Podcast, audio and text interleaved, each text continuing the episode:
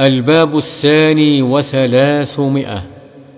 باب تحريم النياحة على الميت ولطم الخد وشق الجيب ونتف الشعر وحلقه والدعاء بالويل والثبور.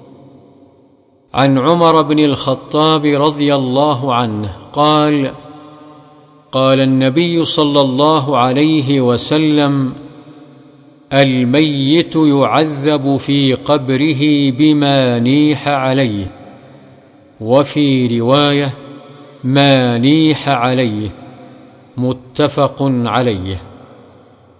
وعن ابن مسعود رضي الله عنه قال قال رسول الله صلى الله عليه وسلم ليس منا من ضرب الخدود وشق الجيوب ودعا بدعوى الجاهلية متفق عليه.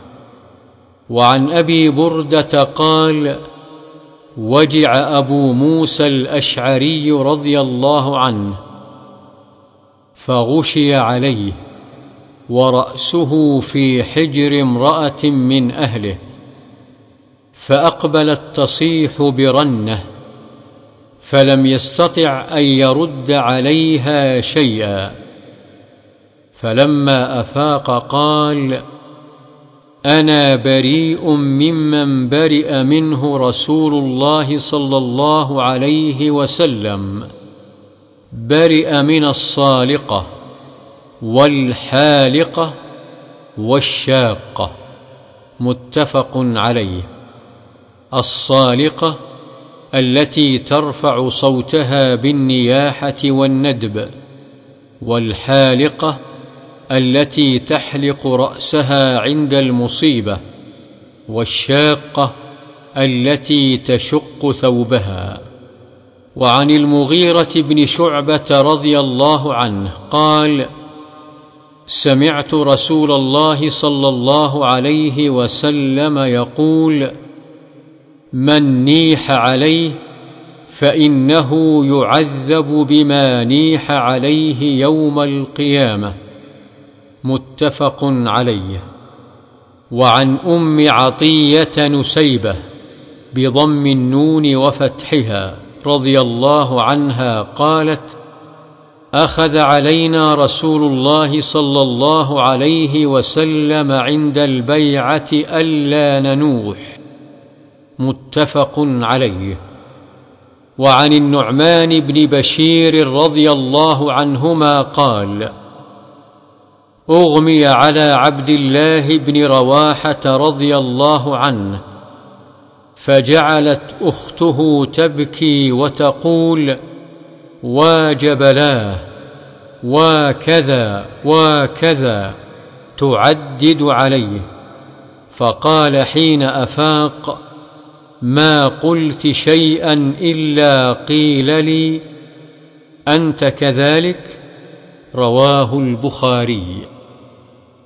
وعن ابن عمر رضي الله عنهما قال اشتكى سعد بن عبادة رضي الله عنه شكوى فأتاه رسول الله صلى الله عليه وسلم يعوده مع عبد الرحمن بن عوف وسعد بن أبي وقاص وعبد الله بن مسعود رضي الله عنهم فلما دخل عليه وجده في غشية فقال أقضى؟ قالوا لا يا رسول الله. فبكى رسول الله صلى الله عليه وسلم.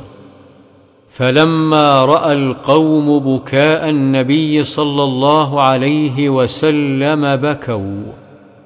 قال ألا تسمعون؟ إن الله لا يعذب بدمع العين ولا بحزن القلب ولكن يعذب بهذا وأشار إلى لسانه أو يرحم. متفق عليه.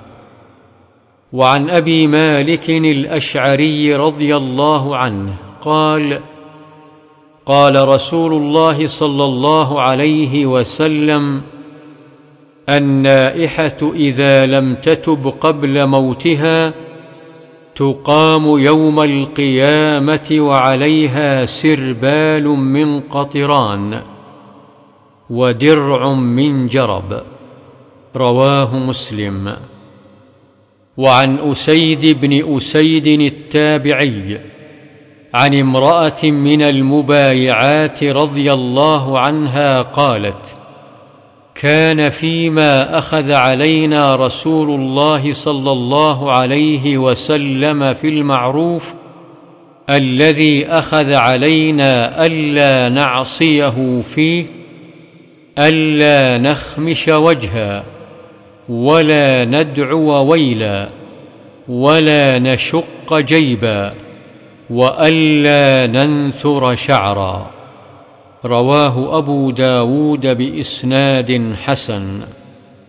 وعن أبي موسى رضي الله عنه أن رسول الله صلى الله عليه وسلم قال ما من ميت يموت فيقوم باكيهم فيقول واجبلاه وسيداه أو نحو ذلك إلا وكل به ملكان يلهزانه أهكذا كنت؟